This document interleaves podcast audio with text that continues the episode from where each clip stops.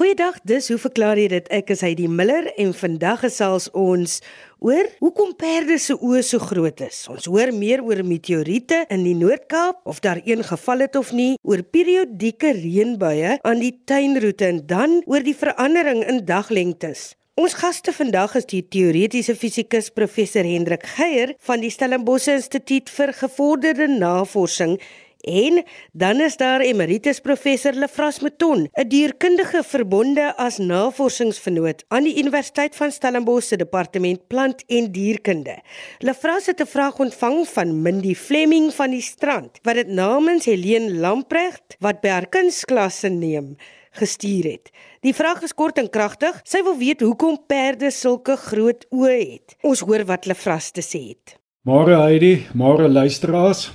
Voor ons die vraag hoekom het perde sulke groot oë kan probeer beantwoord, moet ons seker eers die vraag vra: het perde werklik groot oë? Ek dink al die luisteraars sal dadelik saamstem dat wanneer ons die ooggrootte van verskillende diere vergelyk, ons liggaamsgrootte in ag moet neem.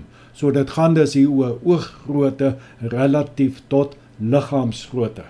Maar ons moet ook eensstemmigheid kry oor presies wat ons met ooggrootte bedoel. Bedoel ons daardie deel van die oog wat sigbaar is wanneer die oog heeltemal oop is of bedoel ons die totale volume van die oogbal? Die oog van die verkleemannetjie is nou 'n goeie voorbeeld om in die verband te noem. 'n Verkleemannetjie het mos sulke uitgestulpte oë en mens kan baie duidelik die omvang van die oogbal onder die vel sien, maar die oogopeningkie self is piepklein. So het die verkleemannetjie nou klein oogies of groot oë. Nou wanneer wetenskaplikes van ooggrootte praat, bedoel hulle dan gewoonlik die volume van die oogbal en nie die grootte van die oogopening nie. Die meeste bronne wat ek geraadpleeg het, noem die perd as die landsoogdier met die grootste oë. Maar as ons na al die soogdiere kyk, het walvisse en robbe 'n relatief groot oë. As ons nou ander werveldiergroepe byvoeg, is die volstruise oë ook groter as die van 'n perd. Nou sommige bronne noem die tarsiërs. Dit is nou daai klein uh, primate van Suidoos-Asië, uh as dan nou die landdiere met die grootste oë. Nou hierdie diertjies het inderdaad massiewe oë en ek kan nie sien dat die perds se oë groter as hulle sin kan wees nie. Hoe dit ook al sê, perde het wel baie groot oë en ons moet nou probeer om dit te verklaar. Uh vir voels is daar al 'n geruime tyd gelede 'n hipotese uh saamgestel, dit bekend as Leucard se wet en dit sê dat daar bestaan 'n verband tussen ooggrootte en vliegspoed of vlugspoed. Ondanks is hierdie verband dan ook nou vir soogdiere of ek moet sê landsoogdiere bevestig. Wetenskaplik is dit gevind dat maksimum hardloopspoed, hoe vinnig 'n dier kan hardloop, na liggaamsgrootte die belangrikste bepalende faktor van ooggrootte is. Dit is dan nou teenstrydig met die algemene opvatting dat relatiewe ooggrootte grootliks bepaal word deur of 'n die dier dagaktief of nagaktief is. Nagdiere uh uit die aard van die saak sou mens dink sou groot oë nodig hê om nagsig te verbeter. Uh ek weet luisteraars sal uh, baie voorbeelde kan opnoem van nagdiere wat besondere groot oë het in vergelyking met dagdiere. Ek dink dadelik aan geitjies byvoorbeeld wat in die nag aktief is en en wat oënskynlik baie groter oë het as ander akedisse wat in die dag aktief is. En naglewende paddas het ook besondere groot oë. Maar dit is nodig dat ons appels met appels vergelyk En die gesprek gaan nou hier oor landsoogdiere. En hier is hardloopspoed die bepalende faktor, net soos vlugspoed by voëls die bepalende faktor is. By ander diergroepe mag die situasie anders wees. Ek moet dan net noem dat die meeste nagdiere die vermoë het om hulle oogpupille baie groot oop te maak om maksimum lig in te laat om sig in die nag te verbeter. Baie van hulle het ook 'n wat bekend staan as 'n tapetum lucidum, 'n reflekterende laag agter die retina wat lig weer deur die retina reflekteer en die ligsensitiewe selle in die retina 'n tweede kans gee om lig te absorbeer. Want swak ligtoestande 'n baie handige versterker van uh, sig vermoë. Met hierdie aanpassings hoef die oë van nagdiere dis nie noodwendig groter as die van dagdiere te wees nie. Nou spesies met groot oë en dis nou die belangrike punt. Spesies met groot oë het gewoonlik groter gesigskerpte. In Engels staan dit bekend as visual acuity. Hulle het groter gesigskerpte as diere met kleiner oë.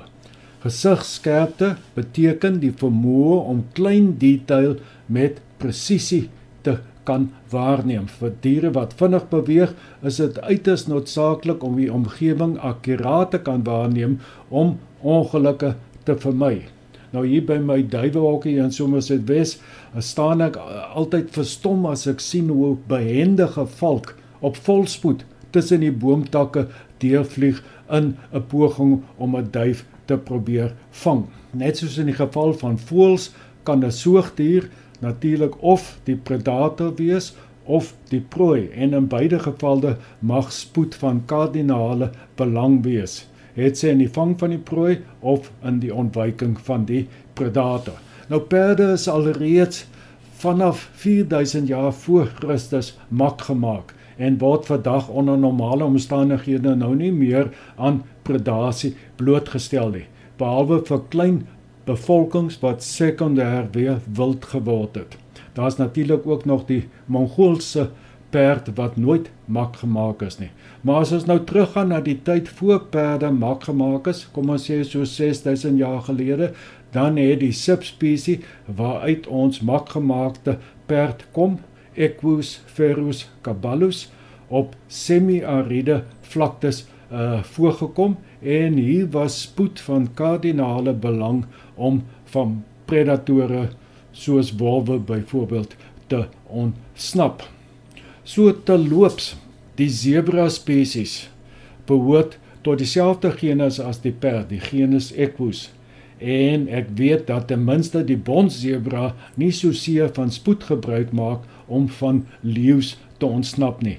Die familiegroep bestaan uit 'n hinks, 'n paar merries en hulle villens 'n vlug in 'n hegte bondel met die hinks heel agter en die groep hardloop nooit voluit nie. Die hinks het 'n kragtige skop aan hom en menige leeu het al daarmee kennis gemaak. Ek weet daar's ook die hipotese dat sebras juis swart en wit gestreep is sodat hulle mekaar makliker in die donker of in 'n digte stofwolk kan sien sodat hulle naby mekaar kan bly wanneer hulle vlug. Nou soos tipies van prooi diere of dit nou 'n voël is en of dit 'n soogdier is, sit die oë van 'n perd langs die kant van die kop en het die perd dus 'n baie groot gesigsveld sonder om die kop hoef te draai. Die beelde van die twee oë oorvleuel vir die grootste gedeelte van die gesigsveld nie en ons praat dus hier van monokulêre visie. As die perd egter oor sy snoet na voor kyk, met ander woorde langs die snoet af, dan oorvleuel die beelde van die twee oë oor 'n smal strook om binokulêre visie te gee. Nou hierdie binokulêre visie is baie belangrik want dit gee diepte van veld. Wanneer 'n perd as wy kan hy baie goed voor hom op die grond sien. En wanneer hy nou met sy monokulêre visie iets sou raak sien wat hom pla, sal hy sy kop optel en in daardie rigting draai en dan langs sy snoet af in daardie rigting kyk om met behulp van sy binokulêre visie meer inligting oor die potensiële gevaar in te samel. Dit is ook so dat met hul binokulêre visie kan perde baie ver sien. Interessant genoeg perde het 'n blinde kol voor die kop waar hulle niks kan sien as hulle nie die kop optel nie. Uh dis iets wat perde ruiters maar altyd aan gedagte moet hou. Uh om voor hom te kan sien, moet die perd langs sy snoet langs kan kyk en die kop moet dus gelig wees. Uh as die kop met die stang afgetrek word, gaan hy net op die grond kan sien, maar nie voor hom nie. Perde is primêr dagdiere, alhoewel hulle natuurlik ook in die nag sal wy. Hulle oë is sensitief vir swak lig en hulle kan goed in die skemer sien, maar het nie die vermoë om hul oë vinnig by veranderende ligtoestande aan te pas nie. En mens kry dus dat hulle dikwels 'n perd dikwels sal weier om by 'n donker uh, uh staldeur in te gaan.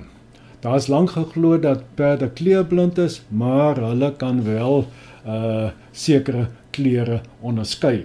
Nou om op te som, Mindy en Helene Perde het wel groot oë en die rede vir die groot oë is omdat hulle vinnige hardlopers is.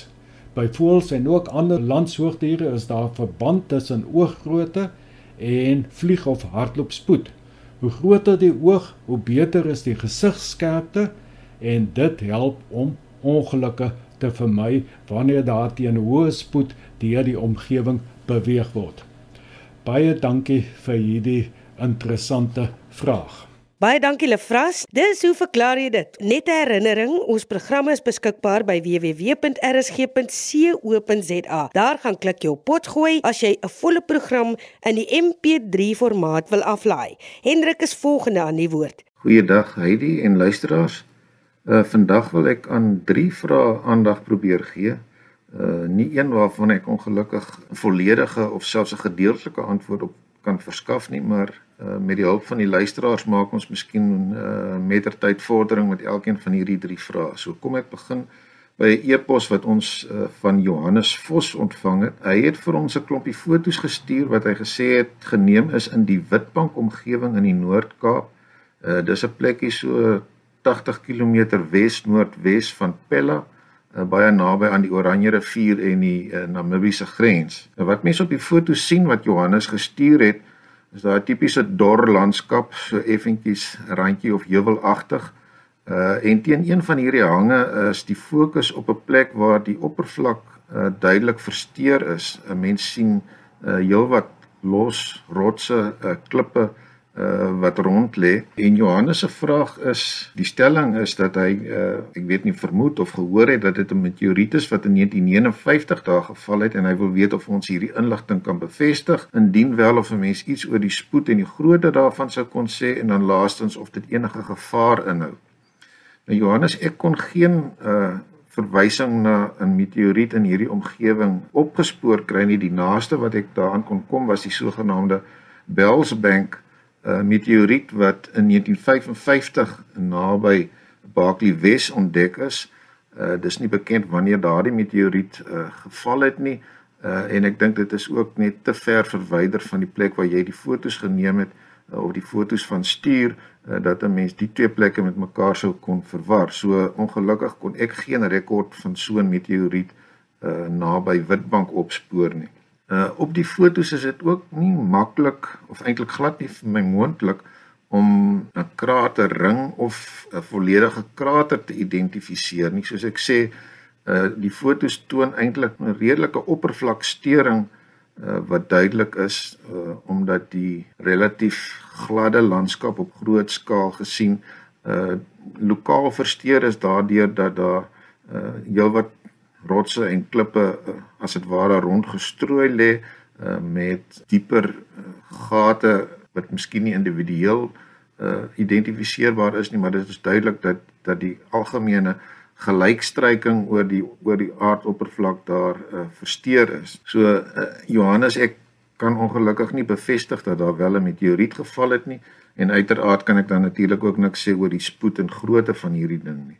Uh, terloops die Bellsbank meteoriet het ek gesien uh, was 38 kg gewees. Uh oor die kwessie van gevaar, interessant genoeg die Britse Natuurhistoriese Museum uh het op hulle webbladsy in, in stukkie wat spesiaal afgestaan word aan meteoriete. Uh, dit gee hulle die kans om 'n woordspeling te gebruik wat ongelukkig in Afrikaans nie so goed werk nie. In Engels praat hulle van meteorites and meteorons. So daar bespreek hulle 'n klompie misvattings oor meteoriete en twee aspekte waaraan hulle aandag gee is nommer 1 uh, die kwessie van mikrobes. Daar was in die verlede al dikwels bespiegelinge dat lewe op aarde sy ontstaan gehad het as gevolg van uh mikrobes wat ons uit die buitenste ruim via 'n meteoriet uh sou bereik het. Nou volgens hierdie webbladsy is daar geen bevestigde opgetekende gevalle van meteoriete waar uh, sulke mikrobes uh, op aangetref is nie. 'n uh, ander aspek waaroor daar dikwels gevra word of bespiegel word is of sulke meteoriete uh, noemenswaardig radioaktief is en weer eens is die antwoord negatief. Uh, so meteoriet bevat nie noemenswaardig meer radioaktiewe elemente of spore van radioaktiewe elemente as wat 'n mens tipies in rotse en uh, gedeeltes van die aardkors sou aantref nie. So uh, radioaktiwiteit is ook nie 'n wesenlike gevaar wat spesifiek met meteoriete geassosieer kan word nie. So ek sou sê die enigste gevaar wat daar moontlik kon wees as jy naby die impakpunt was toe die ding geval het, maar maar nadat hy eers stil gaan lê het of uitmekaar gebreek het, is daar nie enige verdere gevaar wat daarmee verband hou nie. Hy die vandag se tweede vraag kom van John Mulder van Plettenberg Baai af. Hy skryf as volg: Hier aan die tuinroete met uh, winterfrontreën gebeur dit dikwels dat die reën met afgemete tydsintervalle uitsak. Die reënbuie duur ook ewe lank, van net 'n paar minute tot 'n halfuur. Jy kan feitelik op jou horlosie kyk hoe gou so 'n reënbui weer gaan uitsak en hoe lank dit gaan duur. Soms is die tydsinterval net 'n paar minute en anders kan dit tot 'n halfuur of langer wees. Tussen hierdie afgemete reënbuie kan die lug ooptrek Die son kan self skyn en dit kan windstil word, maar dan herhaal die siklus homself weer. Die wind begin waai, die wolke maak toe en die reën sak dan weer uit. Nou, uh John, ek is nie 'n meteoroloog nie en uh ek het dus vir jou ongelukkig geen antwoord op die vraag uh hoekom hierdie reënbuie so periodiek uitsak nie.